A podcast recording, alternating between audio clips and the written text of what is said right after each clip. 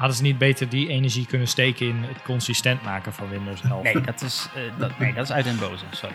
Clippy, man, dat is toch veel belangrijker. Ja, dat, zo werkt het altijd bij, bij Microsoft.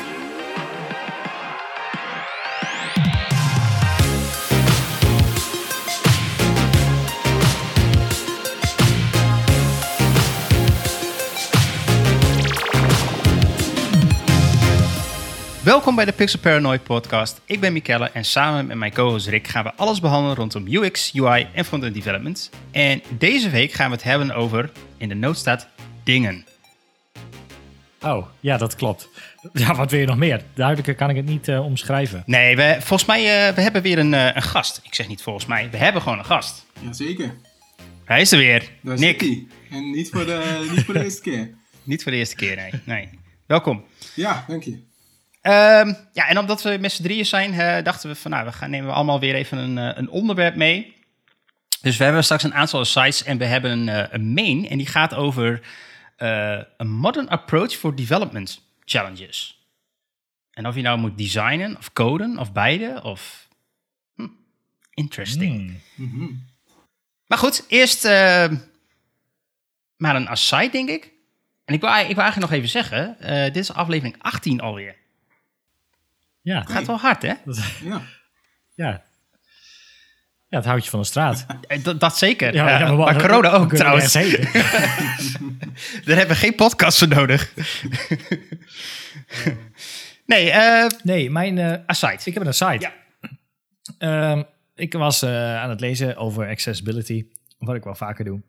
En eh, ik kwam een artikel tegen over hoe test je nou toegankelijkheid met screenreaders. Je hebt heel veel tools waarbij je uh, plugins over je website kunt runnen. Je hebt uh, allemaal um, node modules die je kunt installeren die uh, je code checken op accessibility code-wise, zeg maar. Maar als je het echt wil testen met een screenreader, bijvoorbeeld op je Mac met VoiceOver, dan zul je screen, die screenreader aan moeten zetten.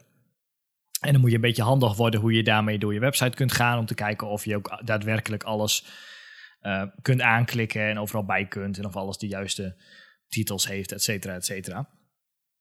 Alleen, um, ja, niet iedereen heeft uh, toegang tot zo'n screenreader. Stel je werkt in een team en je product owner of zo, die heeft dat niet. En, maar hoe, hoe gaat iemand dat dan testen? Nou heeft er iemand die heeft, en momenteel werkt dit alleen op Mac, uh, een, een tooltje geschreven waarbij het heet Auto VO, Auto VoiceOver. Die um, de output van de voice-over op je Mac output naar een tekstfile. Okay. En die kun je vervolgens gewoon doornemen. En dan hoef je dus niet met de hand, zeg maar, met je toetsenbord door alles heen. Maar dan krijg je gewoon een output file waarin um, alle headings staan opgenoemd, zeg maar. Uh, nou, gewoon letterlijk de export van wat jouw voice-over zou zeggen. Dus heading 1 en dan de heading en dan heading 2 en dit. En dan button, area title, zus en zo. Cool. Dat soort dingen. En dan rolt gewoon een, een, een export uit. En dan kun je op twee manieren inzetten. Je kunt het um, nou ja, handmatig testen, zeg maar. Dus zonder dat je voice-over hoeft te gaan gebruiken. Kun je gewoon dit runnen, rolt een export uit. En je kunt dan, je moet natuurlijk wel enigszins verstand hebben van de opbouw en accessibility. Maar daaraan kun je dan zien van, hey, op deze pagina staan meerdere H1's of de volgorde klopt niet. Of uh, het menu heeft wel of niet een open uh, okay. area, expanded, et cetera. Okay. Of je kunt het implementeren in een... Um, uh, eens even kijken, hoe noemde die dat? In Mokka heet het. Ik heb het verder niet gebruikt, maar dat is schijnbaar een, een tool waarbij je automatische testen kunt runnen. Ja, en dan kun je dit, mee, kun je dit meenemen inderdaad uh, nou, als een normale test, zeg maar. Dat hij zo'n export maakt, zodat je die gewoon kunt, uh, kunt bekijken. Of dat de product owner die bij wijze van kunt, kan, kan bekijken. Ja, klopt. Die, Zonder dat hij dus iets... Ja. Die, die rol, Mokka die rolt inderdaad een rapportje uit, inderdaad. Ja, ja, nou ja dan, is, dan is dit voice-over ding is daar dan één van. Dus dan hoeven testers of product owners of mensen die uh, wel willen kijken of hetgene wat gemaakt is voldoet aan de accessibility guidelines, maar geen verstand hebben of geen toegang hebben tot een screenreader, kunnen dan dit rapport doorlezen met de export van wat je voice-over zou roepen. En daaruit kunnen zij dan zien of iets uh, werkt of niet. Oké, okay, ik vroeg me nog even af, hè. Um, is het nou ook ja, je hebt ook de, de accessibility tree in, eh, in je developer tools. Is dat nou Mhm. Heel anders dan? Of is dat dan niet voldoende? Nou, of? Dit, deze geeft, eh, die accessibility tree, die geeft volgens mij niet exact alles weer. Die geeft wel inderdaad ehm, eh, bepaalde titels en zo weer. Maar ja, dan moet je daar alsnog doorheen. En dit, hier rolt gewoon een heel simpel rapportje Ja, uit. zo. Simpel. Ja, oké. Best wel lang rapport uit. Maar daarin staat ja, alles wat, wat je zou moeten Ja, weten. oké, oké. Dat makes sense, inderdaad. Alright. Dat is wel rete handig, eh, eerlijk gezegd. Want ik heb het tot nu toe altijd met de hand gedaan. Ja, zeker. En eh, Nou ja, ik vind, ik vind het nog steeds wel, wel interessant om het met de hand te doen, zeg maar. Eh, om, om te Ja. kijken, ja, En op, handig om te weten hoe het werkt. en op zeg zich is dat, is dat ook wel te doen, toch? Met de hand, vind ik. je wel, alleen ik vind soms wel... Die voice assistant is soms wel aanwezig, zeg maar. Ja, dus ik vind dat wel een beetje... Ja, Ja, en, en eh, je, moet, ja, je moet maar net weten zeg maar, hoe die Ja. werkt. En hij is natuurlijk best langzaam. Je kunt hem natuurlijk best sneller zetten. En de mensen die screenreaders gebruiken, hebben hem ook op standje maximaal staan. goed, want die hebben niet de hele dag eh, om die hele website voor te lezen. nee. Maar hier rolt, eh, hier rolt een tekstfile uit. En dan staat er dus bijvoorbeeld in link. stel je begint bovenaan je website. Link jump to all topics. Link skip menu. List six items. En dan vervolgens noemt hij de menu-items op. En dan vervolgens komt hij bij eh, link guides 2 of 6, link boek 3 of 6, nou, et cetera, et cetera. End of navigation. Nou, en zo gaat hij dan, eh, gaat hij dan door. En je kunt zoeken dus op headings. En dan zegt hij heading level 2, link, dit, Ja. heading level 2, dit. En dan opeens een heading level 4 bijvoorbeeld. Dus daar miste een heading level 3 tussen. Ja. Nou, dat kun je dan hier, dat kun je dan hier uithalen, precies, zeg maar. Handig. Dus ja, dat, eh, dat, dat was Auto voice-over dus. Oké, Ja. Ja. top. Oké, Cool. Nick, wil jij eh, de volgende doen? Eh, Ja, ik heb ook een aside meegenomen voor jullie. Ehm, dat is, eh, ik zal het een beetje proberen kort te houden, want ik, eh, is Google Web Designer is dat. Alright. Eh, ik heb eh, best wel tijd bij eh Wekamp gewerkt en daar was ik ook eh, verantwoordelijk voor eh, HTML5 bannen advertenties. Eh, vond ik in de eerste instantie niet heel spannend klinken en ook niet echt leuk, maar eh, ik kreeg het een beetje een soort van in mijn, in mijn schoot geworpen. Eh, maar uiteindelijk ehm, ja, is het toch, was het, het is echt een beetje een aparte tak van de sport, vind ik, binnen onze, eh, binnen onze branche. Je hoort Ja. niet heel veel dat mensen er echt mee bezig zijn. En het is ook al best Nee. een select eh, groepje volgens mij. Er zijn niet heel veel bureaus die daar ook echt mee aan de gang zijn. Weet je, de, de, de marketing agencies hè, zijn daar Ja, echt mee zeker. bezig. Zeker. En ja, ik moet, Ja. ik moet zeggen, als jij echt een, een custom HTML5 eh, banner moet maken. En je moet dat echt vanaf scratch doen. Dan moet je, moet je echt wel een developer zijn. Maar met Google Web Designer eh, heb je eigenlijk een soort van... Ja, het, is een beetje, het lijkt een beetje een Adobe-omgeving. Misschien kan je het een beetje vergelijken met Photoshop of InDesign zit daar een beetje tussen. Oké, Eh, waarin jij, je hebt gewoon een ontwerpweergave. Je, je kiest een, een bannerformaat. Dus bijvoorbeeld een 300 keer 600. Het zijn allemaal vaste formaten zijn dat. Eh, daarin, je hebt een... Voor, voor de, voor de, voor, eh, specifiek voor die Google Ads. Ja, ja, ja, voor Google Ads, maar ook voor Ja, andere netwerken. Eh, ja, je, je, je kan dus zeg maar een formaat kiezen. Je hebt heel veel mooie formaten, zoals de 300 keer 600 pixel. Dat is echt wel een groot oppervlak waarmee je kan gebruiken. Maar je hebt ook wel wat uitdagende formaten, zoals bijvoorbeeld een, ja, een 1200 pixel keer 600 pixel. Dat is natuurlijk hartstikke smal en heel langwerpig, weet je wel. ja, ja. Ja. En, eh, dus, eh, ja, het is sowieso, het is wel een eh, leuke, ik vond het wel een mooie uitdaging om daar een tijdje mee bezig te zijn geweest. Want ja, je zit toch gewoon met echt een heel beperkt formaat, waarin je moet gaan designen. Ja. Ik heb veel gewerkt met, met marketingmanagers ook, en die willen natuurlijk honderdduizend boodschappen in zo'n in zo'n klein dingetje proppen, weet je wel. Dus dat was altijd echt wel eventjes afwegen en struggelen soms. Je, Ja, want het klinkt een beetje... Google Web Designer doet me denken... Ik heb het dus niet gebruikt, maar de, aan de naam klinkt het een beetje als zo van... Nou, wil je een website? Nee. Gebruik Nee, Google dat is- Web het is Designer. helemaal- Dan hebben wij templates staan die je kunt vullen en de- ja, nee. dat soort dingen. Maar dat is het totaal Dat niet. ja, je zou er in principe ook wel een eh, website mee kunnen maken. Maar ehm, ja, het, het exporteert gewoon naar een zipje en daarin heb je gewoon een HTML-bestand. Dus als jij daar een website Ja. mee wil maken, dan kan dat. Ehm, maar ik zou het je niet aanraden. Ja, ik, ik, zie, ik zie de interface nu voor me. Je hebt ook, eh, ook zo'n timeline Ja, en zo. zeker. Ben je een beetje, het heeft wel wat eh, Adobe Flash aan. Ja, een beetje macromedia. key- eh, ja, ja. ja. Ja, key- keyframes en ja, zo. volgens mij is het ook wel een beetje gebaseerd op Flash inderdaad ook, ja. Eh, maar je hebt Ja. dus in, in, in die interface heb je een ontwerpweergave die redelijk voor zich spreekt. Je kan daar gewoon e- elementen inslepen. Je kan eh, tekst plaatsen, buttons plaatsen. Eh, maar je Ja. hebt ook, wat wel leuk is, je hebt ook een codeweergave. Eh, dus dan zie je een beetje hoe al die code wordt neergezet. Eh, het is echt een beetje gibberish allemaal, maar als jij een beetje verstand hebt van HTML5, dan eh, kom je daar wel uit. Je kan dus zelf ook CSS toevoegen, HTML natuurlijk en ook JavaScript. En je kan inderdaad, dus in die ontwerpweergave waar je die hele tijdlijn hebt, kan je dus een beetje slepen met al je elementen, je componenten die in je banner hebt zitten. En kan je er echt wel een mooi interactief iets van maken. En dat is En- natuurlijk... Maar je hoeft daar dus helemaal geen verstand van te hebben. Want ik zie hier inderdaad van je sleept hier gewoon eh, bij wijze van een appel en een, banaan in. En dan zeg je gewoon van fade in van links hierheen. En daarna moet de, de, de banaan van boven komen. En dan Zeker. Ge- Gebruikt hij dan, dan. CSS-transities daarvoor of zo? Of, Ja. Ja, zeker. Ja. Je hoeft er in principe, wat jij zegt, Rick, je hoeft er in principe geen eh, kennis voor te hebben. Eh, maar als jij eh, iets, iets ehm, ja, als je daar iets breder mee aan de gang wil gaan, dan heb je dat wel nodig. Want Ja, je kan zelf gewoon CSS eh, toevoegen. Je kan natuurlijk, wat jij zegt, een appel en een banaan er neerzetten en die twee transities geven. Eh, maar je kan ook, eh, je kan ook ja, hele animaties maken en interactieve elementen met JavaScript en zo. Ehm, Ja. ja, dus het zou je zeker wel helpen als jij, als jij een beetje kennis daarvan hebt. Hey, en, en ik, ik heb er in het verleden, ik denk twee jaar geleden of zo, eens een keer mee gespeeld. Eh, Ja. Voor een klant eh, hadden we dat ook nodig. Oké. Ehm, maar ik kan me nog herinneren, eh, en misschien kan jij dat nog even verduidelijken hoe dat zit. Maar je hebt ontzettend veel banners vaak die je moet maken. Echt Ja, een stuk of, ik weet het even niet, 12 of 18, weet ik veel. Echt Ja. allemaal verschillende sizes. Ja. Hoe zit dat met eh responsiveheid? Moet je allemaal, allemaal nieuwe banners ontwikkelen? Of maak je voor elk, maak je eigenlijk één en die is soort van responsive? Hoe, hoe werkt dat? Nee, je moet echt wel verschillende formaten maken. Eh. En je hebt vaak wel bijvoorbeeld de banners van 300 pixels breed, die worden vaak op mobiel, eh, eh, zie je die vaak.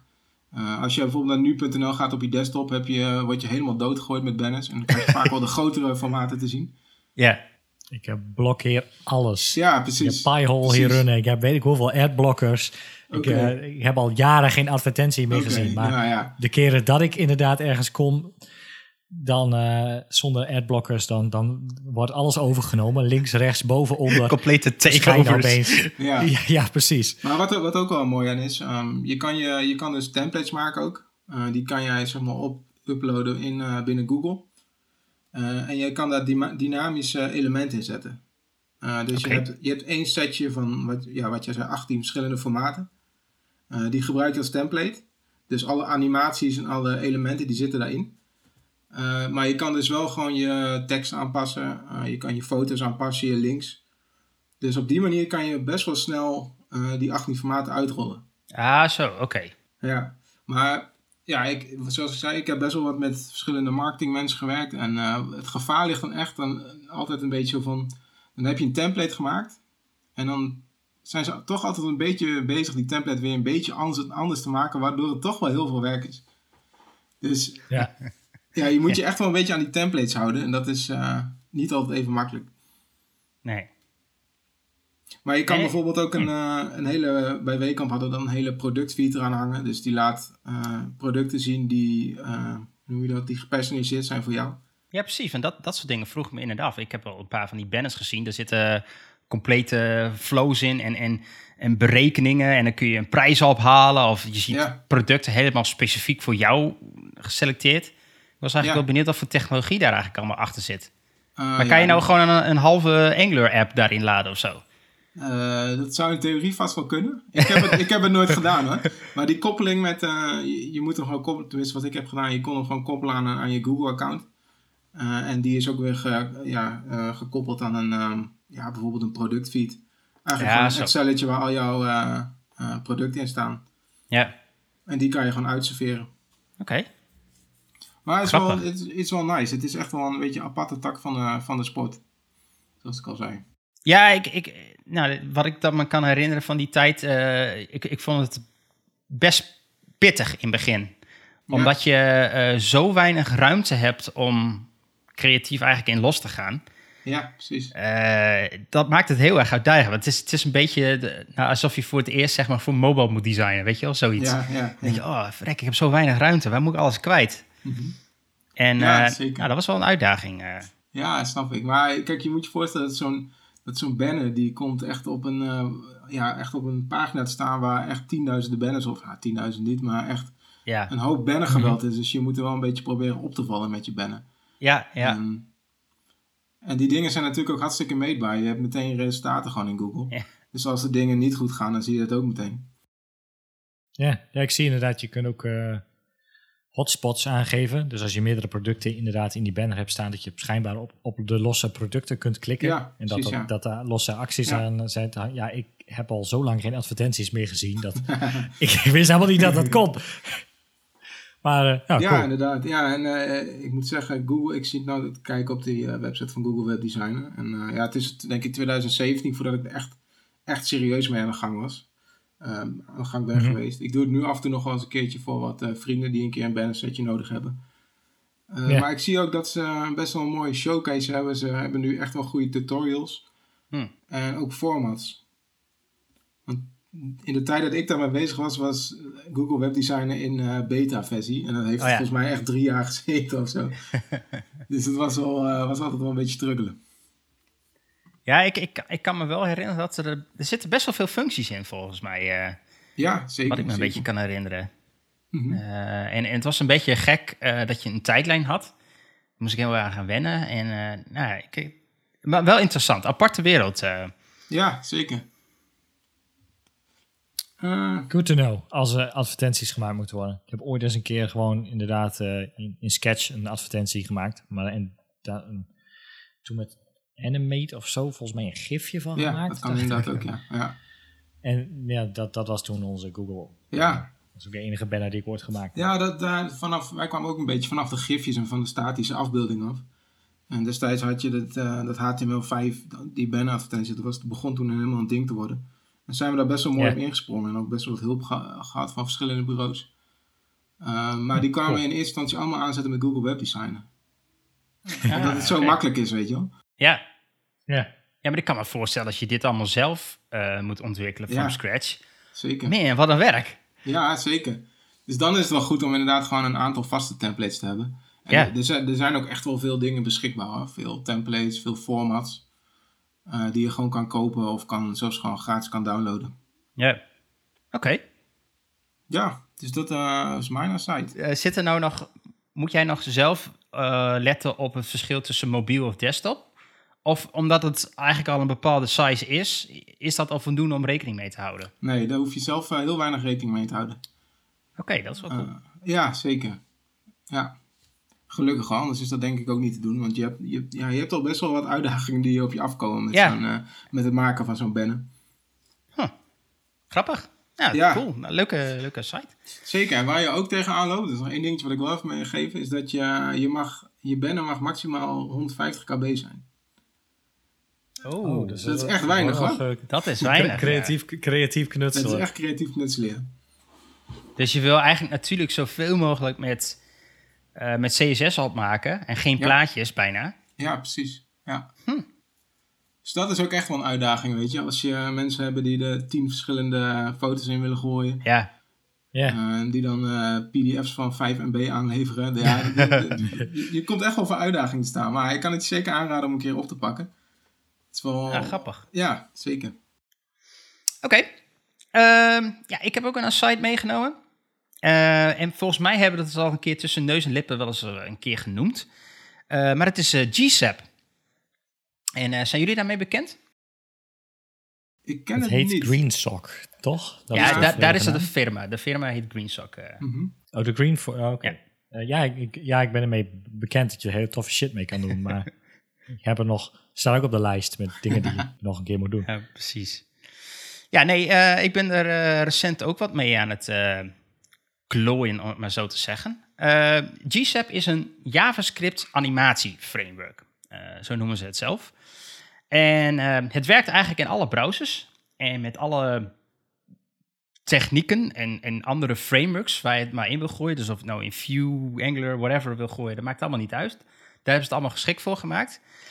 En ehm, ik was er altijd een beetje huiverig voor, want ik GSAP, het klinkt allemaal eh, een beetje doorheen gekeken en het zag er allemaal complex uit. En ik denk, nou, weet je, moet, ik, moet ik maar eens een keer naar kijken. Nou, dat heb ik eindelijk gedaan. En eigenlijk wat me een beetje opvalt, is dat het eigenlijk best wel makkelijk is. Ehm, het hele idee erachter is best wel goed uitgewerkt. En ehm, eh, hoe ze het zelf uitleggen is wat het eigenlijk onder de motorkap doet. Het is niks anders dan een systeem dat uh, waardes verandert een aantal keer per seconde. En eigenlijk gewoon letterlijk 60 keer per seconde, zodat alle animaties gewoon vloeiend zijn. Oké. Ehm, en maakt niet uit welke waarde dat dan is. Alle waarden, waar, iets met getallen, dat kun je allemaal laten animeren en door GSAP laten controleren, om maar zo te zeggen. Ja, en het systeem werkt eigenlijk met zogenaamde tweens. En tweens, dat kennen mensen misschien nog wel van uh, de Flash-periode. Want Macromedia Flash werkte ook met tweens.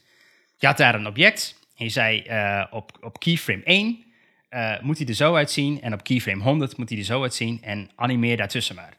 Nou, en dat is eigenlijk ja. wat GSAP dus ook doet, maar dan met JavaScript code. Okay. Dus je hebt eigenlijk drie vormen van tweens. Dat is de to, de from en de from to. Nou, de to, dat zegt eigenlijk van je hebt een beginsituatie, hoe je maar ook opgemaakt hebt. Dat kan gewoon in CSS zijn. En dan zeg jij van ik wil dat hij naar, uh, naar de to-waarde eigenlijk moet toe-animeren. En hij gaat dan zelf alles berekenen hoe die daar dan moet komen, zeg maar. Dus je kunt een property... Dus als ik een vierkantje, vierkantje maak die blauw is en die linksboven in de hoek staat...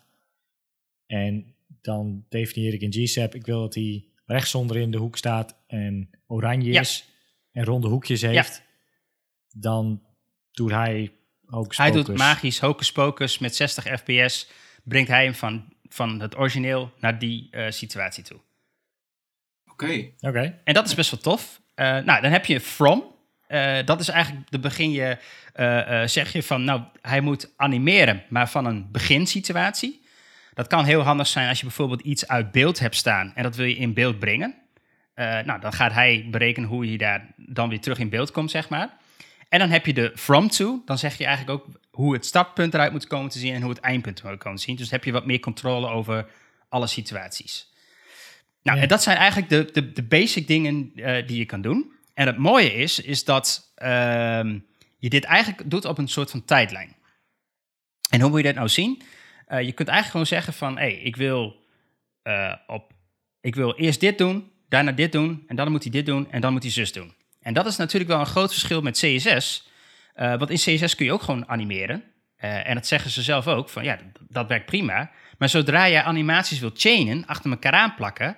en eigenlijk een callback wil hebben van... hey, je mag pas wat doen als die andere animatie afgelopen is... ja, dan, dan haakt CSS af, zeg maar. Dat, dat kan CSS niet. Ja.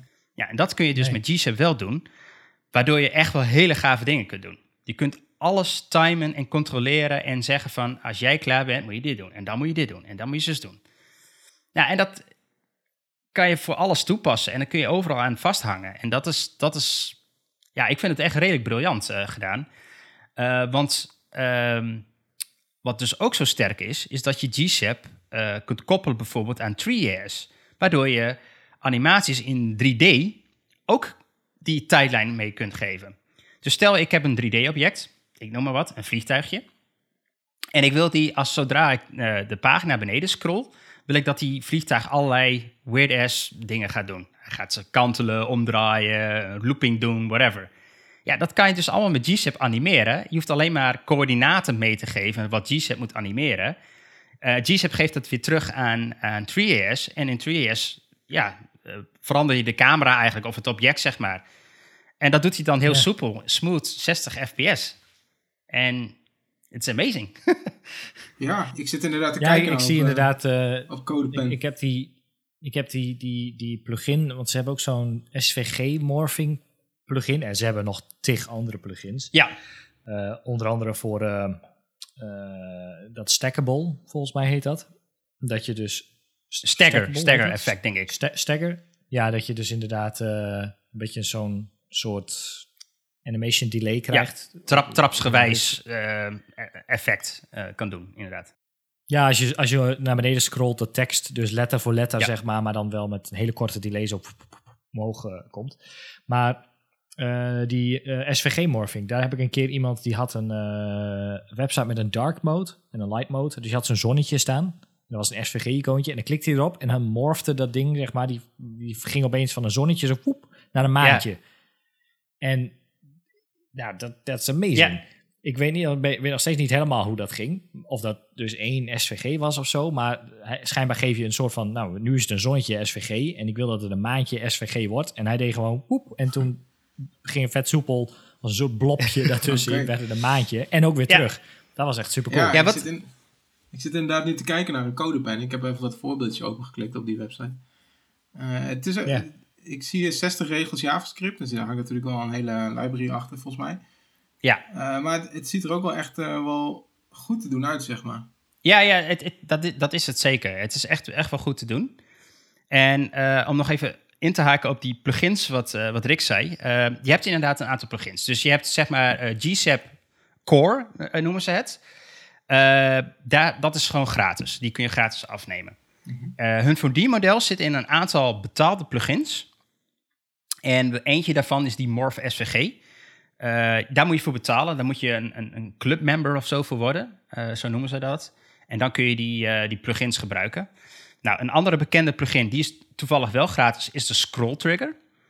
Die wordt ontzettend veel toegepast op websites. Als jij, even, even ter, voor mensen ter voorbeeld, als jij zeg maar 90% van de awards website bekijkt, die gebruiken allemaal GSAP. En ook bijna allemaal de Scroll Trigger plugin. Want wat met de Scroll Trigger kun je precies doen van, hey, als dit element in beeld komt, dan moet jij iets gaan doen. Dan moet jij animeren, dan moet er een class op komen, of dan moeten er properties gewijzigd worden, whatever. Eh, en ze hebben alles voor jou ingebakken. En het werkt ook super smooth, zeg maar. Dus je hoeft niet zelf een interaction observer te maken of wat dan ook. Dat, dat, dat handelen zij allemaal voor je af. Ja, want dat is ook Ja, echt wel veel voorna- werk. hè. voornamelijk die, eh, voornamelijk die dingen. Je zegt al, als iets in beeld moet komen, dan, nou, dan kun je ook inderdaad die intersection observer zelf voor gebruiken. Ja. En dan checken of iets in beeld komt en dan een class opzetten. Maar wat je dan mist, is wat je juist wil. En als je vaak die websites op awards of zo inspect en je scrolt, dan zie je dat, die, dat er zo'n translate IX op zit, zeg maar, echt tot 600 achter de komma. En dat verandert dan op het moment dat je scrolt, dat er inderdaad zo'n boxje helemaal zo door je scherm heen vliegt. Nou ja, dat, dat is dus wat je hiermee kunt Ja, doen. precies. Dus, dus al die berekeningen die, die hij doet, eh, maar ook nog op de soepelheid. Je kunt eh, easing, allerlei easing methodes meegeven. ook, ook QBA, cubic Bezier, sorry, moet ik zeggen. Maar ease in, ease out, lineair, whatever. Dat kun, je kunt heel erg goed die animaties tweaken, zeg maar.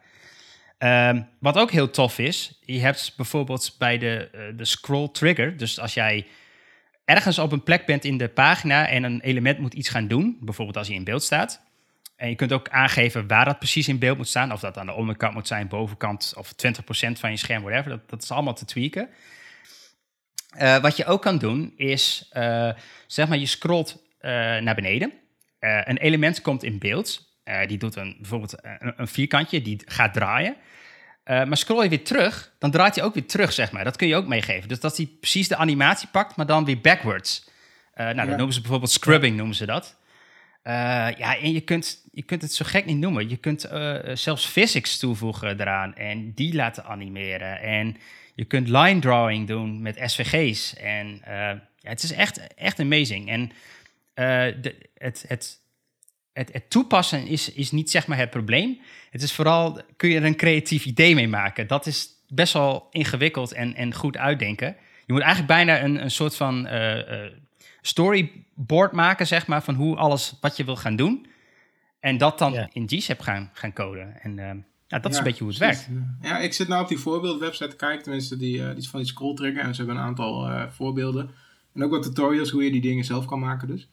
Ik zit nou te kijken bij een, eh, ja, bijvoorbeeld een pistool die helemaal uit elkaar gaat. En inderdaad, Oh ja. ook wanneer je terugscrollt, eh, gaat die gewoon weer netjes in elkaar. Gaat hij weer in elkaar, ja. Ja, maar deze, even kijken, deze plugin die is dus gratis.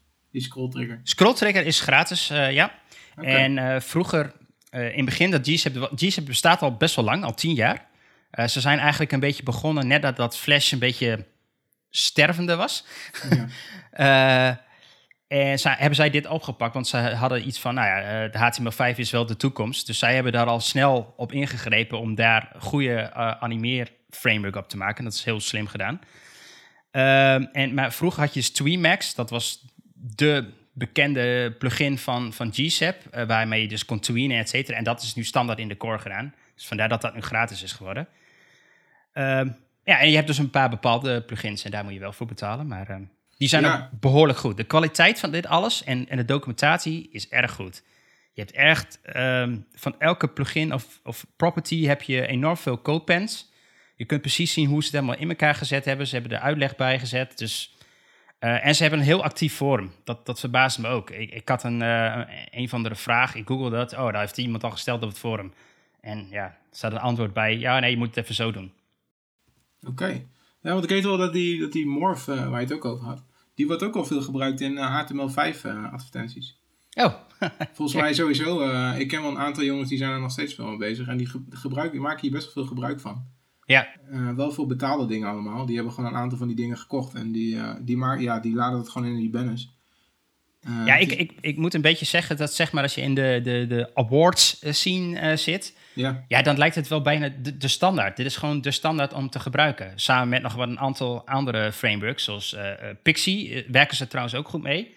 Pixie.js is een, een, een shader framework, of eigenlijk een 2D framework.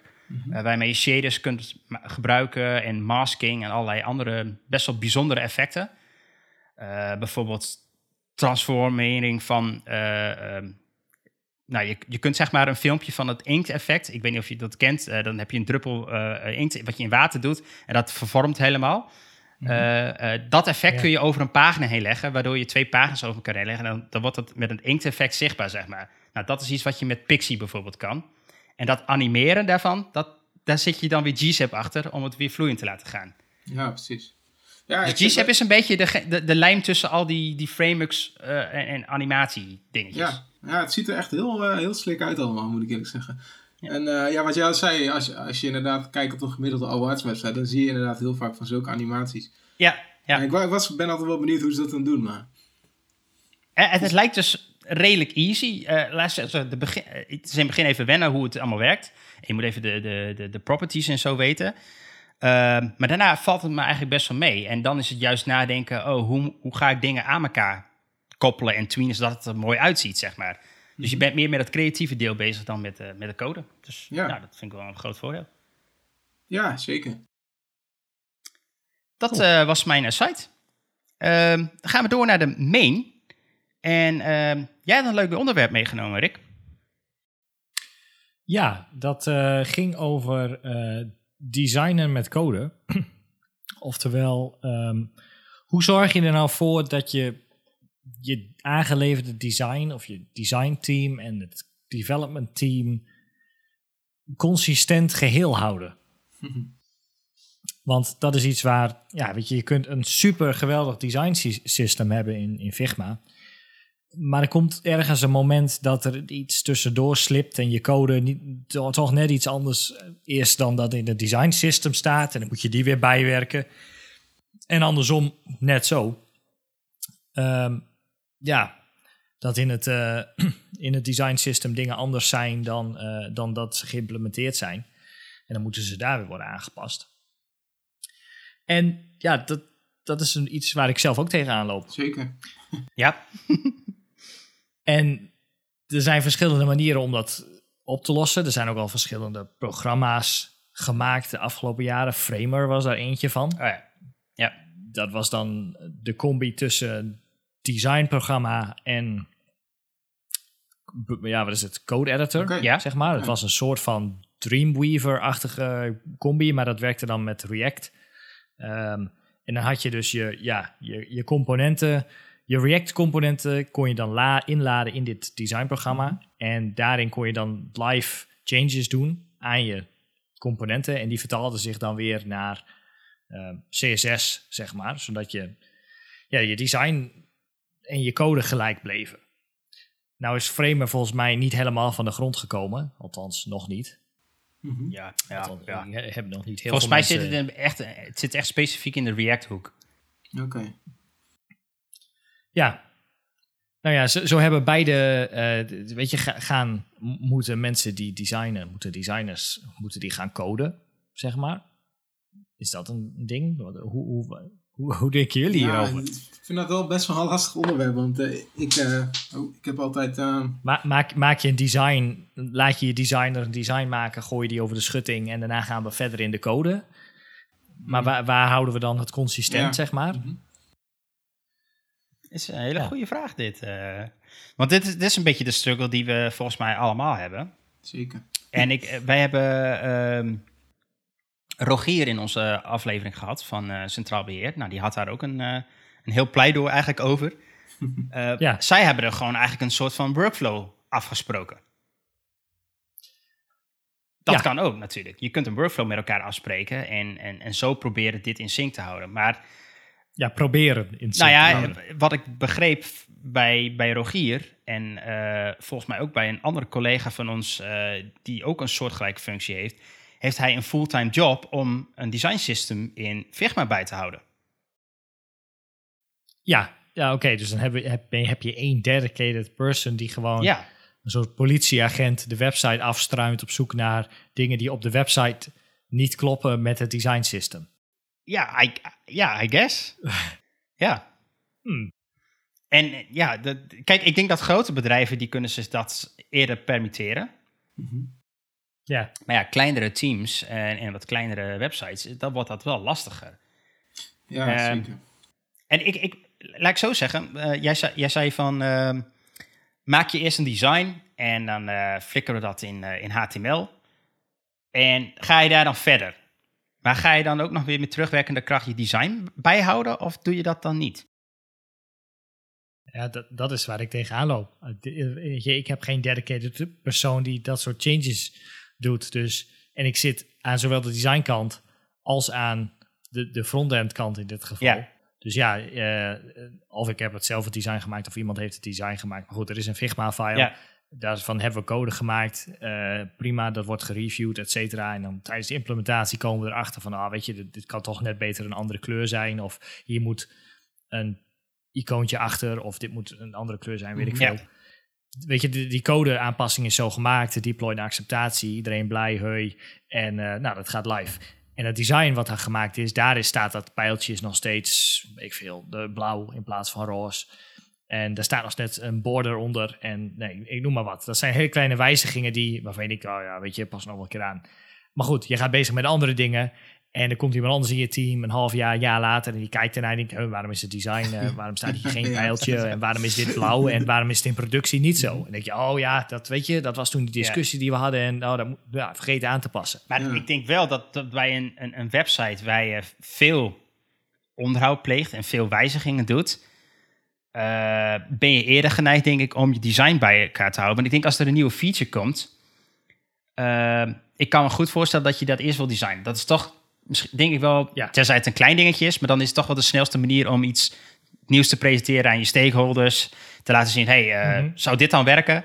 Nou, Ja. akkoord, Mhm. dan bouwen en dan doorvoeren, zeg maar. Dan hou je het redelijk makkelijk in sync als je die route doet. Maar inderdaad, als je een website hebt waar een half jaar lang niks aan gebeurt, en dan komt er een Ja, ja. keer en weer eens iets en denk je, ah, dat pas ik wel even aan in de code. Ja, Ja, maar aan beide, beide kanten ja.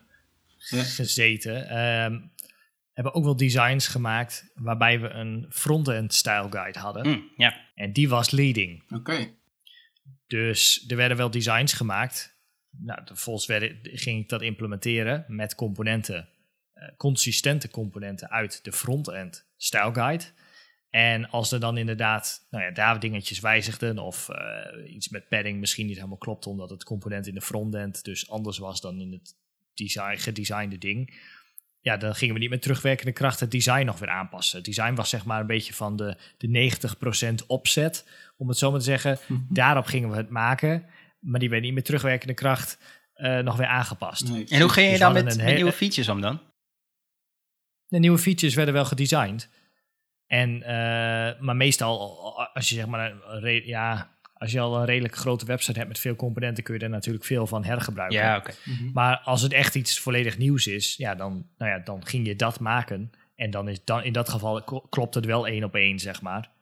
Eh, maar ja, als er dan later een, een, een wijziging komt, dan werd daar misschien niet per se direct een design voor gemaakt. Dan was het zo van, hey, eh, kun je dat pijltje ook eh, de andere kant op laten draaien en een groen streepje tussen Ja. zetten. Ja. Nou, typ, Ja. typ, typ. Mhm. Klaar. Dan werd dan het design werd dan niet aangepast. En ja, inmiddels is dus het originele design wat nog terug kan worden gevonden, komt helemaal niet meer overeen met hetgene wat er nu daadwerkelijk Wel staat. herkenbaar. Ik zit, ik zit de laatste eh, periode zit ik veel aan de andere kant, dus echt aan de codekant.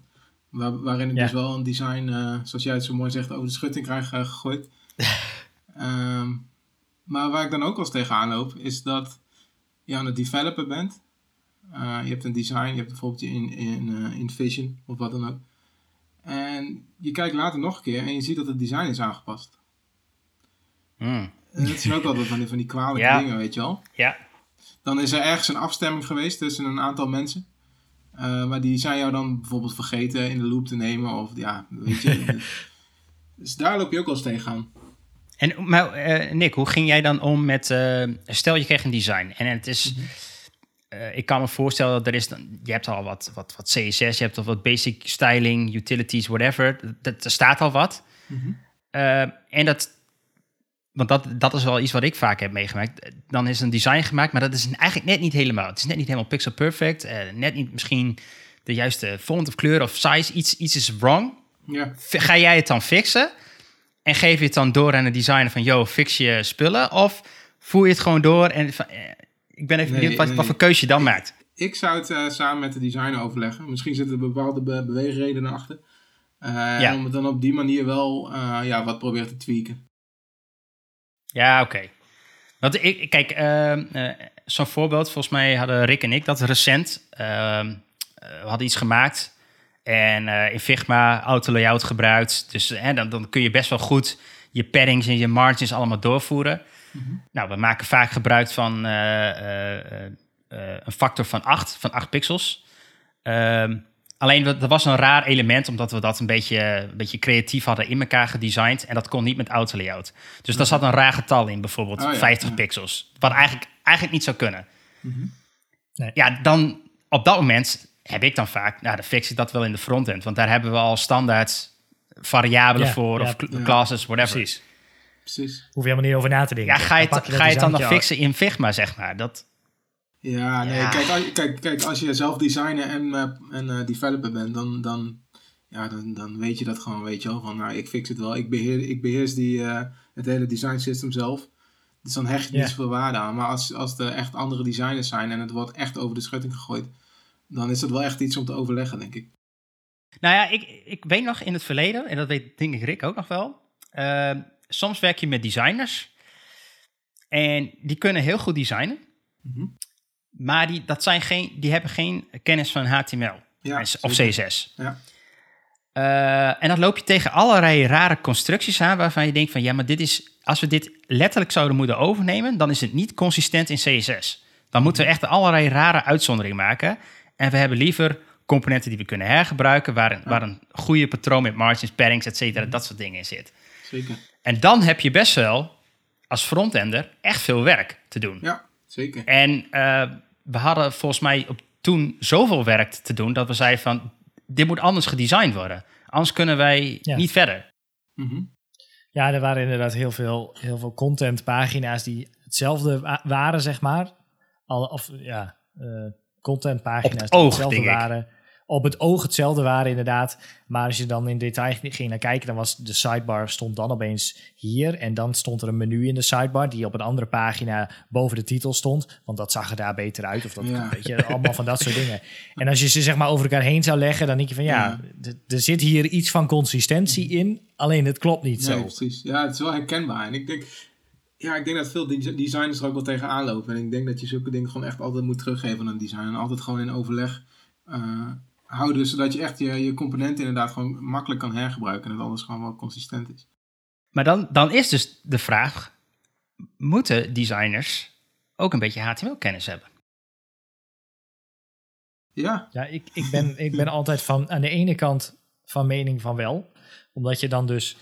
ik denk dat je dan beter kunt designen.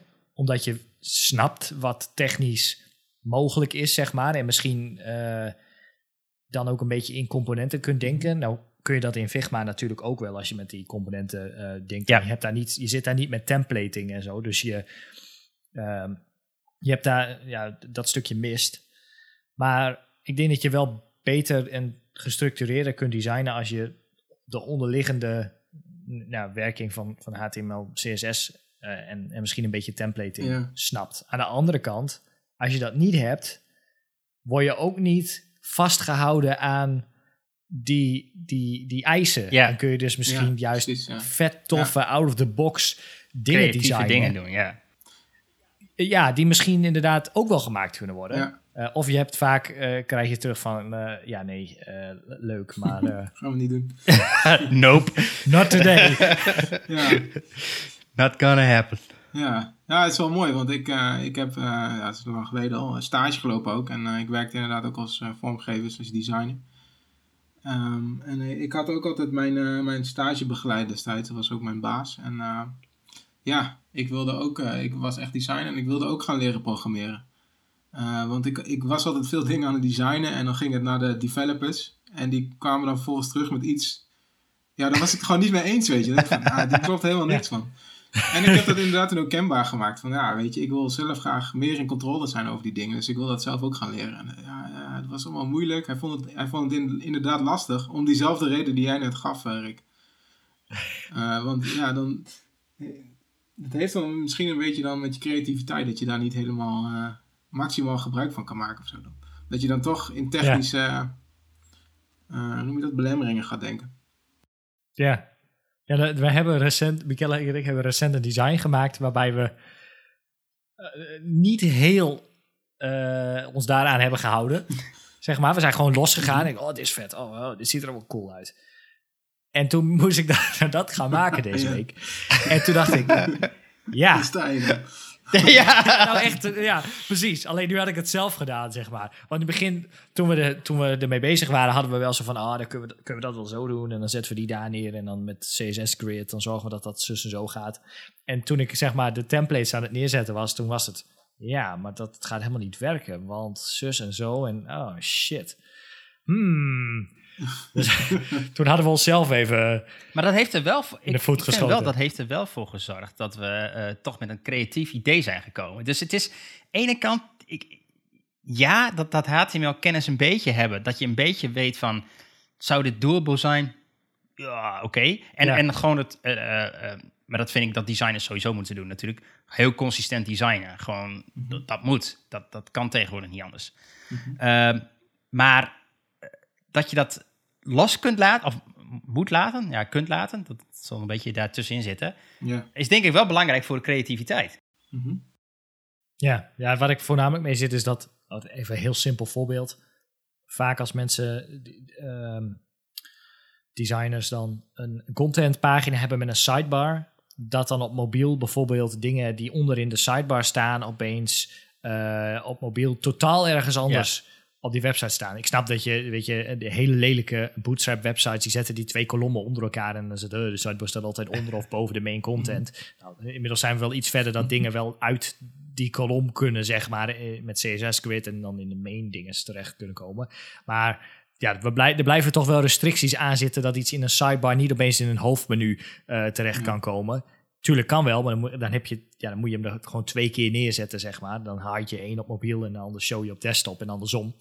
Eh, maar ja, dit, dat, dat zijn dingen die, dan, ja, die ik soms nog wel eens tegenkom in een, eh, in een design. Ja. Een zoekbalk die in een, menu, in een menu zit en dan op desktop eens onderin een sidebar staat of Ja. zo. Ja, dat, dat kan niet. Dan moeten we gewoon twee van die dingen Ja. hebben.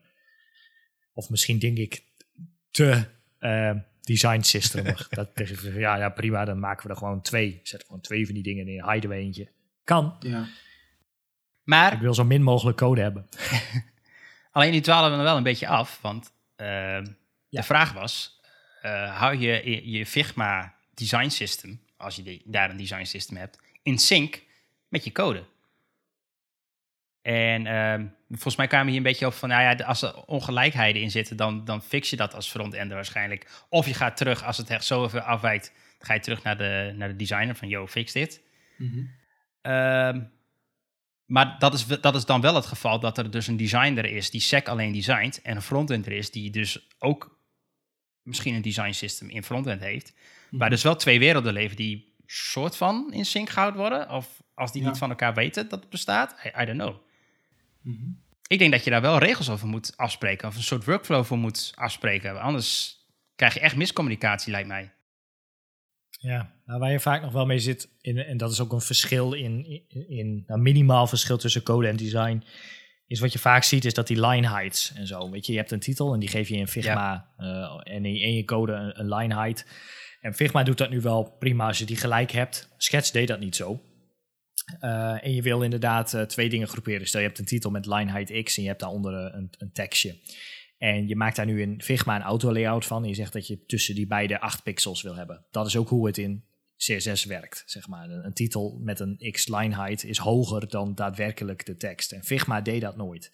Waarbij designers vaak een blokje zeg maar, omhoog, omhoog eh, schoven tot aan de onderkant van de Ja. letters. En dan 8 pixels naar beneden deden. En dan maar houden ze geen rekening zeg maar, met de line height van de tekst. En als je dan een design system naast de code legt, dan was de afstand tussen een titel en de tekst daaronder was in de code opeens een stuk meer. Eh, of je moest in de code zeggen van nee, die moet niet 8 zijn, maar eh 4 Ja, ja, of zo, ja. noem maar wat. Om het gelijk te trekken. Ja, dat is in Figma nu wel, wel eh, een stuk Ja, minder. dat helpt Maar wel. Mhm. Ik, ik denk dat eh, ik denk dat je een, een dedicated, als er een project is met een, een style guide die echt eh, zeg maar een doorlopend project is waar steeds nieuwe features bij komen, dat je wel een dedicated persoon hebt die verantwoordelijk moet zijn voor je style guide in, in Figma. En of dat dan zeg maar een Rogier is ehm, die echt hoofd style guide is met daaronder nog designers die werken in de style guide en hij is zeg maar opperhoofd, eh, eindbaas van de style guide. Ehm, ja, dat, Ja, dat, dat- dat, dat hangt van het groot Maar van net het zeggen, project dat af. kun je scalen natuurlijk. Ja. Hoe, hoe groter eh, je bedrijf en hoe meer designers er zijn, dan, dan kun je zeg maar een poppetje erboven zetten, daar poppetjes onder en dan eh, een beetje hiërarchie vormen. Ja, ik mer- merk aan mezelf dat als ik, als ik de enige ben die dus zowel style guide als code doet, ik soms geneigd ben om dat lijntje of dat kleurtje knop, ja, eh, niet uit laziness, maar gewoon uit van, ja, weet Ja. je, ik weet wel dat ja, dat als zo je is. toch de enige Ja. bent die ermee werkt, inderdaad. Maar het is wel, het is wel, er valt wel iets voor te zeggen. Want als er inderdaad een, een, een, andere persoon in een later tijdstip ermee verder moet, snapt hij wat jij daar gedaan hebt en gefixt hebt. En dat, is- dat is wel lastig. Nee.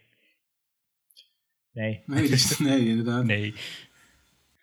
Nee, ja, dat, dat, die, die, die- dat, die, dat korte 15 minuten discussie, daar was hij niet bij, waar we, we hebben besloten dat te wijzigen. Nee, ik zit me dan af te vragen of je, eh, ja, of je niet.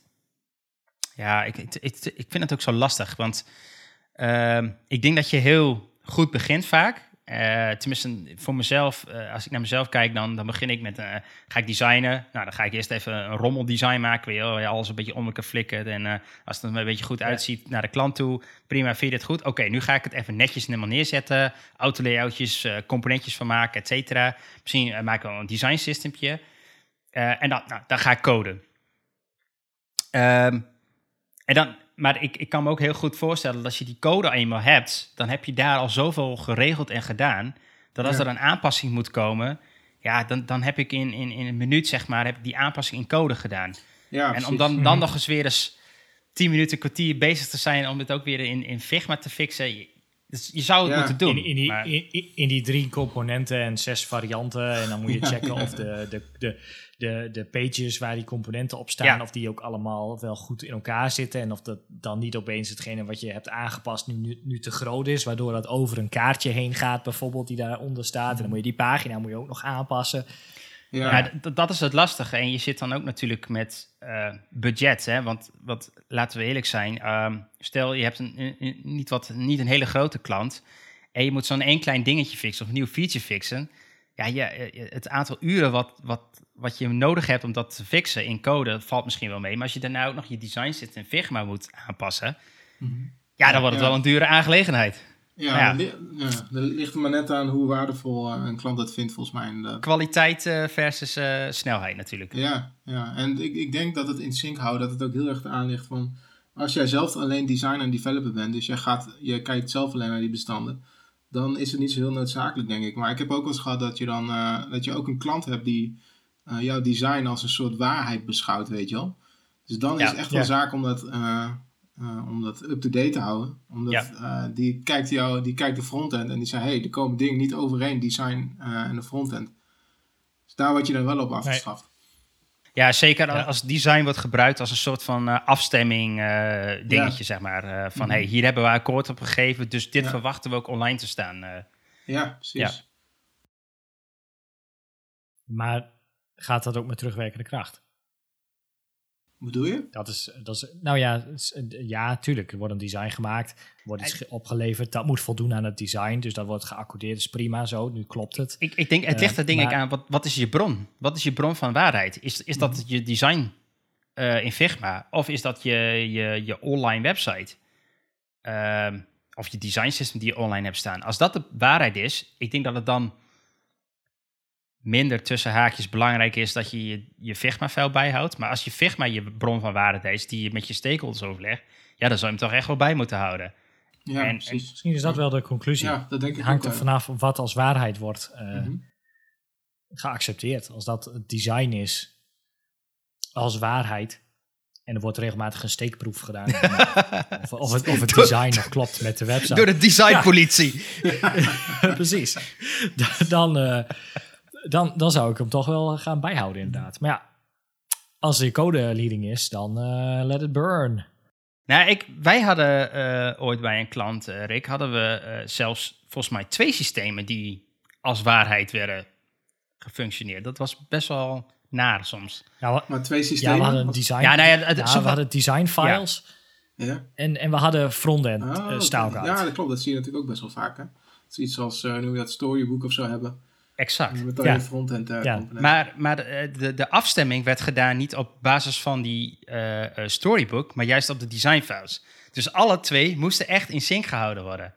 Oké. En dat was. ehm, Ja, daar zat, daar zat er nog een extra laag tussen eigenlijk. Want we hadden, ehm, die, we hadden het design. We hadden het front-end team, die dus HTML en CSS en wat JavaScript opleverde met hun eigen style guide aan de Sitecore developers. En die gingen het implementeren.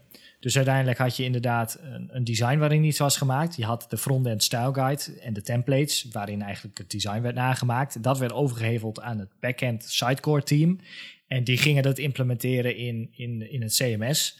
En daar stond op acceptatie, stond vervolgens, hetgeen, als het goed is, hetgene wat wij hadden ge-HTML en CSS, maar dan werkend, zeg Ja, maar. precies. Ja, dan heb je er echt En- een ex- extra laag tussen zitten. Ja, dat maakt het Dan heb je er nog een laag tussen zitten. En, nou ja, weet je, dan zit je met, met, met Sitecore, met Angular en, en dan ehm, zit er zo'n extra wrappertje om iets heen, waardoor je Flexbox niet meer werkt, Ja. zeg maar, omdat er niet, geen directe chi- children, children meer zijn. Dus moest je daar weer wat voor aanpassen. En ehm, dan ging je dus je, je frontend CSS ging je aanpassen. Ehm, maar lokaal op je ha- opgeleverd HTML CSS had je dat extra wrappertje niet nodig. En dus voegde je maar een, een zinloze div toe, zeg maar, in mijn opgeleverde style eh, zat dan om mijn list items zat een extra, extra diffje, ik noem maar wat, omdat dat een Angular component was in de uiteindelijke implementatie. En dan, als je dan later daar nog eens naar kijkt, denk oh, waarom staat hier een zinloos diffje omheen? Die kan ook wel weg. delete. En dan- ja, de- delete. En toen was het, oh, er stond Oké, er iets in. Oh shit, ja, dat was dat Angular component. Oké.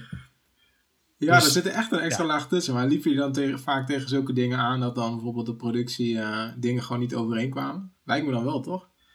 Ja, gelukkig kwam dat op Eh, acceptatie dan naar boven. Ja, en, en niet op ja. productie. Nee, oké, maar.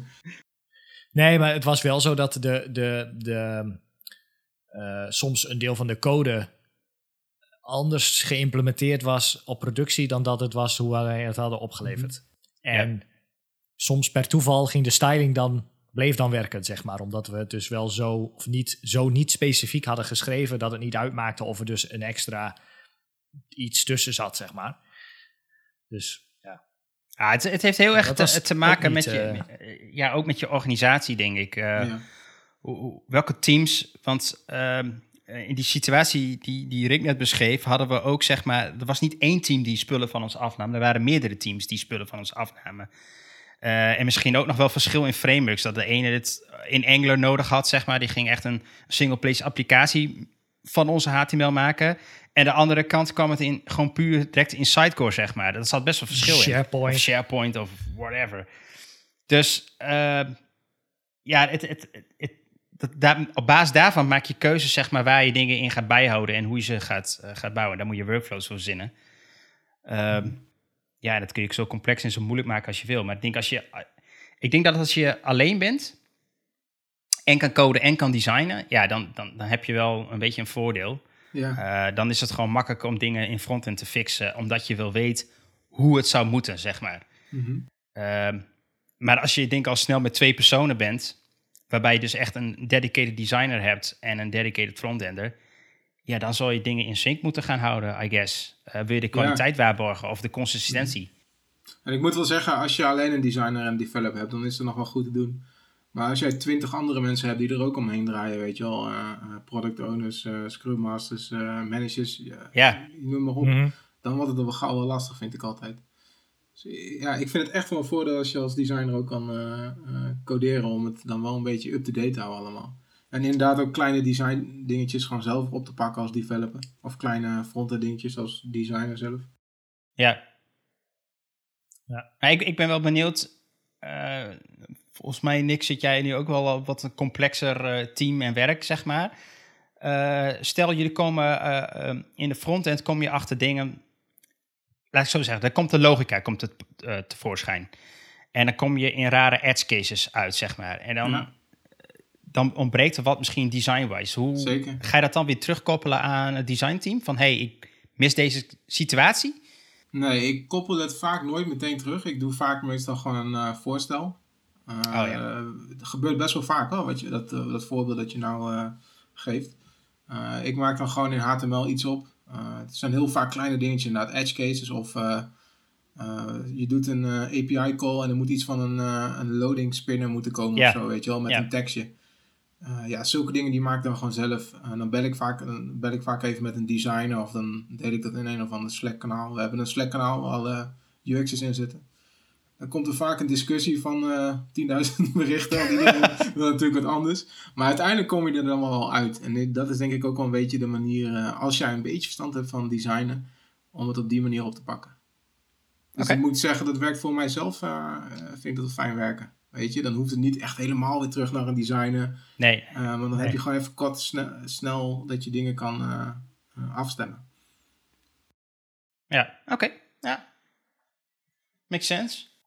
Niet even een nieuwe use story op de backlog die dan uh, gerefined moet worden en dan over twee sprints Ja. uh, opgepakt kan je- worden. En dan, als je niet uitkijkt, gaat het inderdaad wel zo, ja. Alright. Ja, nou, volgens mij hebben we wel... eh, Oh, ja, heb, zeg maar. Of dan moeten natuurlijk dingen echt totaal onlogisch zijn. Dan, dan ga je inderdaad wel een nieuwe story aanmaken. En kijk je goed hoe het dan wel zou moeten. Maar het zijn, het Ja, zijn vaak kleine dingetjes.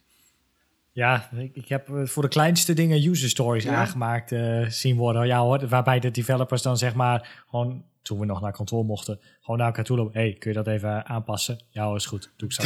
nou, typ, typ, typ. Aangepast, weet je. Gewoon, als we er geen user story van maken, weet ook niemand dat het aangepast is. En dan moesten we zelf wel even checken of het op test ook inderdaad nog overeind bleef. En zo heb ik vele dingen naar productie geduwd, zonder dat iemand daar iets van, eh, van, van, van wist. Ja, Want anders dan waren we nog steeds eh, niet klaar met die website. nee, precies, ja. Ja, ja het is, is een manier om het te doen inderdaad. Niet iedereen die, die vindt dat oké, maar ik snap het wel. hoor. Je Nee, wel nee, dat, dat vonden ze ook niet. eh, dat vonden ze ook. Maar ik ontkende altijd Het alles. maar vaak zien ze het ook helemaal niet, hè. Dan staat het gewoon live en dan is het gewoon een dikke prima. Ja, ja, precies. en, dan, en dan, het mooie was dat als iets dan eens een keer wel opgegooid was, ehm, dan echt een maand, anderhalf later, dan kwam iemand tijdens een refinement met beneden op de backlog. Oh, dit puntje. Ja, die moeten we even refinen. Ik zeg, nou, die is al af hoor. Oh, dat is mooi. Dat is mooi. Wanneer, wanneer kunnen we die meenemen? Nou, het staat al een maand. of- Wat het staat al live. Oh, oh heb je weer... eh, ja. Oh, nou, mooi. Done. Eh, ja, dat is wel mooi. Dat is wel mooi. Alright. Ja, volgens mij hebben we wel eh, redelijk eh, antwoord op deze discussievraag. Ja, zeker. Ehm, laten we doorgaan naar de footer. Ehm, ja, hebben jullie iets leuks voor in de footer? Nick, trap jij maar Ja, af. ik heb wel wat. Mm, ik heb wel iets leuks. Iets eh, voor mensen die eh, Fitbits hebben. Ben ik echt, nou, Oké. ik- ben ik Cool. echt met drie, drie dagen geleden heb ik dat een keer opgezocht. Maar je hebt zeg maar ehm, gewoon je, ja, je watchface, noem je dat, je klok. Waarin je stappen, Mhm. eh, je calorieën en tijd en alles een beetje zo staat. En ik was, ik was een beetje op zoek naar, eh, naar een, nieuwe, een nieuwe klok, zeg maar, een nieuwe display. Dus ik was aan het zoeken op de Fitbit Market, heet dat geloof ik. En ja, ik vond wel leuke dingen, maar ik was allemaal zo van, nee, is allemaal net niet. Dus kwam ik erachter dat je dus met, eh, je hebt een hele Fitbit Developers eh, Studio, heet dat geloof ik. Waarin je een soort van simulator op je computer kan runnen. En daarin kan je gewoon zelf apps eh, en ook klok, klokjes gewoon helemaal maken. Cool. En dat is best wel vet. Je Nice. kan er echt wel mooie dingen mee. Ik, Dus je kunt nu, jij hebt nu een hele fancy watch nou, ik wilde er eentje van Polestar maken. Maar eh, ik- In afwachting op... ja, precies, precies. Een soort countdown of zo, weet je wel. Nee, nee. nee maar ik, ik, was ermee, ik was ermee bezig. En eh, ik, ja, ik ben er echt drie dagen geleden, ik denk twee uurtjes mee bezig geweest. Eh, het gaat best wel wat tijd en moeite in, in zitten. Maar het is, wel, het is echt wel leuk, want je ziet meteen al resultaat. Je kan je meteen als klok instellen. Ehm, Ja. Ja, hoe, hoe, hoe werkt het? Hoe moet je dit doen? Nou, je hebt gewoon in, de, in je browser heb je gewoon een soort studiootje waarin je een aantal bestanden hebt. Het ligt ook een beetje aan voor welke Fitbit je doet. Ik heb een Versa 2, dat, die is al iets ouder. Je hebt eh, tegenwoordig de Versa 3. Eh, dus je, je selecteert eerst een soort van wat voor device je hebt. Bij mij was het dan de Versa 2. Eh, en dan krijg je een soort van templateje waarin je dus al gauw ja, wat dingetjes kan neerzetten. Ja, oké. Eh, ja, het is HTML, CSS en wat JavaScript. Denk als je, als je die kennis hebt, kan je heel gauw wat moois maken. Eh, maar ik vond ook iets anders. Die is eigenlijk wat makkelijker als je geen kennis van HTML, eh, CSS of JavaScript hebt. Ze hebben ook een soort van eigen team, Fitbit. Die heet Fitbit Maker, geloof ik. En daarin kan je dus ook je eh, custom eh, watchfaces maken. Maar zonder te coderen. Oh, nice. En dan kan je een beetje een soort van, heb je allemaal slidertjes waarin je dingen kan aanpassen. Dat werkt echt, ja, het werkt supergoed. En het is tien keer zoveel makkelijker als een, eh, een heel ding zelf developen. Cool. Eh, ja, Nou, dus lachen. dat een beetje. Ja, het is zeker wel cool. Als je een Fitbit hebt, zou ik het zeker eens gaan kijken. Helemaal als je een beetje into design en voltijd bent, eh, kun je er echt Ja. wel leuke dingen mee. Ik, ik vind wel grappig dat ja, Fitbit is natuurlijk een best wel, eh, wat dat betreft, best open platform. eh, Ja. eh, dat hebben ze best wel goed gedaan. wat Ja, leuk. zeker. Ja. Ja, is heel cool. Je, en je hebt, zoals ik al zei, je hebt gewoon op je, een simulator op je computer. Waarmee je gewoon meteen eh, je app kan bedienen. En eh, er zitten, je kan dingen console loggen. Dus je kan precies zien wat er allemaal gebeurt en zo. Dat is echt wel gaaf. Nice. Ik, stond, ik was wel Nou, van onder de indruk... Stel, eh, stel ik op mijn Apple Watch eh, stel ik nog even een, eh, een foto ja, in doe maar. als achtergrond. Ja, precies. Punt. ja, nee, nee, klopt. Dan heb je met Fitbit wel wat meer mogelijkheden. Waar je zelf wat eh, dingen kan eh customizen. Dat is wel echt cool. Alright. Ja. Ehm, Rick. Ja, mijn, mijn tip is een YouTube-kanaal. Eh, ik weet niet, kennen jullie Tom Scott? Eh, nee. Zeg mij vaag iets, denk ik. Zeg jou vaag iets. Nou, dat is eh, een gast op YouTube. Hij heeft 4 miljoen subscribers of zo. Hij draagt altijd een rood t-shirt. Hij heeft volgens mij ook alleen maar rode t-shirts. Je het is gewoon in maat een soort vers Waldo. Maar hij heeft altijd een, hij heeft altijd een, een rood t-shirt aan. En, ehm, maar hij maakt eh, nou, iets van wekelijks of zo, of semi-wekelijks, maakt hij video's van een minuut of zeven over verschillende onderwerpen. Uh, en hij heeft een paar, een, uh, ja, een aantal series. Het heet Amazing Places of Things You Might Not Know. En dan gaat hij, hij reist echt de hele wereld over. En dan maakt hij korte video's met echt, echt super gedetailleerde video's met, met facts. En ook met mensen ter plekke, zeg maar, die daar verstand hebben over iets of een plek. Um, over, over van alles en nog wat. Echt hele bijzondere dingen. uh, waarom we in, in Amerika oh, nee. en ja. waarom ze in Amerika en Europa verschillende um, uh, wavelengths hebben, volgens mij van straatlantaarns, van het elektriciteitsnetwerk, zeg maar. En je dus als je met je Europese camera in Amerika staat of andersom, je van die flikkeringen ziet en al dat soort dingen. Okay. snelweg, waarom gaat hij, bezoekt hij een snelweg ergens in Engeland die nooit gebruikt is? Uh, hij gaat op zoek naar bergen die schijnbaar als mythe niet bestaan. De hoogste uh, kleine skyscraper. Nou, echt allemaal weer hele, hele bijzondere uh, dingen. En dan gaat hij... uh, Het is een Brit, ja. toch? Ja, ja, Ja, ja, ik weet welke je bedoelt. Ja, die is leuk. Ja. Dus het zijn echt video's van 7,5 minuut. Nou, Hij legt het wel echt super helder uit ook. Klopt. En het gaat over van alles en nog wat. Van, van IT tot eh, geografie en biologie en eh, eh, andere dingen. Ook als je er totaal geen verstand van hebt, dan zorgt hij ervoor dat je het snapt zeg maar, waar het over gaat. Het is echt eh, Cool. een super, super tof kanaal. Oké. Nice. Nou, die moet ik even, is, even eh, volgen inderdaad. Want ik heb laatst, recent nog een videootje van hem gezien. eh. maar die, die gast is best leuk. Klopt. Klopt. Alright. Ehm, En wat heb jij ja, dan? ik heb geen tip, maar ik heb wel nieuws. Eh, ik ga stoppen. Nee. nou, Dick, welkom. Nee, eh, onze goede oude vriend Clippy komt terug. Uit Office. Clippy? Oh shit. Hij komt terug. Komt hij naar, terug naar Office? Of Windows 11? Nou, ehm, het heeft wel te maken met de update naar Windows 11. Ehm, want Windows heeft aangekondigd, of Microsoft heeft aangekondigd dat zij eh, alle 1800 emojis die nu in Windows zitten, gaan vervangen door 3D-versies. En eh, ik heb ze even bekeken. Dat ziet er best wel cool uit. Ik zal de link in de, eh, in de, in de description zetten. Maar het ziet er best wel fancy uit. 3D Echt Wel gelikte 3D. 3D-emojis. Ja, ze worden allemaal 3D gemaakt. Dus alle smileys, die- alle whatever, alles. Dat, voor mij is dat, is dat niet vet creepy. Je krijgt je van die MSN, eh, Wink, van, die dingen, weet je? Dus dat is ook zo'n rare, Ja, wel. creepy. Nou ja, het- het- ja, maar die waren raar. En dit, was, dit is best wel op een bepaalde manier gestileerd of zo. Het is een beetje, beetje Pixar-stijl, denk ik eigenlijk. Ik vind het wel cool. Nou, eh, Oh ja, ik heb ze, ik heb ze voor. los daarvan. eh, Ze zien er vriendelijk Ja. uit. eh, maar Clippy dus ook. Die wordt ook in 3D weer gemaakt. En ze gaan hem dus weer in, eh, in Office gooien. Hij komt weer terug. nice. Ja, vind was vroeger wel het leukste altijd met eh, Microsoft inderdaad. Oh ja, ze hebben als de, de paperclip emoji. Als je die dus stuurt naar iemand die dan Windows 11 gebruikt, die krijgt dan dus een clippy, hele kleine clippy te zien. Ja, en ze gaan eh, de helft van die emoties gaan ze ook animeren. Eh, Een beetje à la Telegram. ja, ja, ja, dat idee, ja. ja. Oké. Hadden ze niet beter die energie kunnen steken in het consistent maken van Windows 11? Nee, dat is, eh, dat, nee, dat is uit den boze, sorry. Clippy man, dat is Nee, toch veel belangrijker. Ja, dat, is- zo werkt het altijd bij, bij Microsoft. We hebben al een hele discussie gehad over Teams, waarbij Ja. hele rare foute Ja, dat- stickers in zitten. Dat was belangrijker dan de reply mode in desktop. Dus ja, ik snap het wel. Ja, we zijn inmiddels 18 afleveringen verder. Eh, en er is nog steeds geen reply mogelijkheid in Microsoft Teams. Nog steeds dit, wordt gewoon een, een recurring eh, item.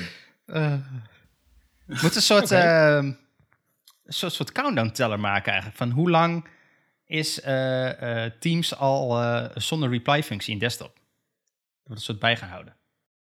Ja. Maar Clippy komt ook terug in, zeg maar niet alleen als emoji, maar ook als, als helper. Het schijnt van wel, ja. ja. Oh. Want er, was een, eh, er is een poll op Twitter geweest, zag ik. Dat is een beetje de bron van dit verhaal. Eh, dat eh waar gevraagd werd van, hey, willen mensen Clippy weer terug? En nou, dat is zoveel positieve reacties op gezien, dat Microsoft dus daadwerkelijk heeft nagedacht van, hey, misschien moeten we Clippy toch maar echt weer terug maar doen. Nice. Hm. En, en ik hoop ook gewoon dat, dat ze dat, dat, hallo, weet je wel, dat, dat, Ja, ja, ja, dat ja. geluidje er ook gewoon ja. in zit. Dat is ook zo. Oh Jesus, die was ik al Ja. helemaal vergeten. Dat, dat kloppende geluidje. Tegen je scherm en zo, klink, klink, klink, hallo. Ja. Ja, ik heb de tweet inderdaad. Als de tweet 20k likes eh, krijgt, dan willen ze de paperclip vervangen door Clippy. En hij heeft 151k likes. Ja. nou ja, dat, eh, dat was mijn, eh mijn voeten. Dan eh, zijn we er weer doorheen. Ik wil hem ook op Mac. Ik wil hem ook op mijn Mac. Ja, Ja, precies. ja. Ik ook al te kijken. Ja. Ja, misschien... eh, want eh, Teams die heeft op de Mac eh, hun eigen emoji set. Misschien komt die daar dan in. Dat zou wel cool zijn.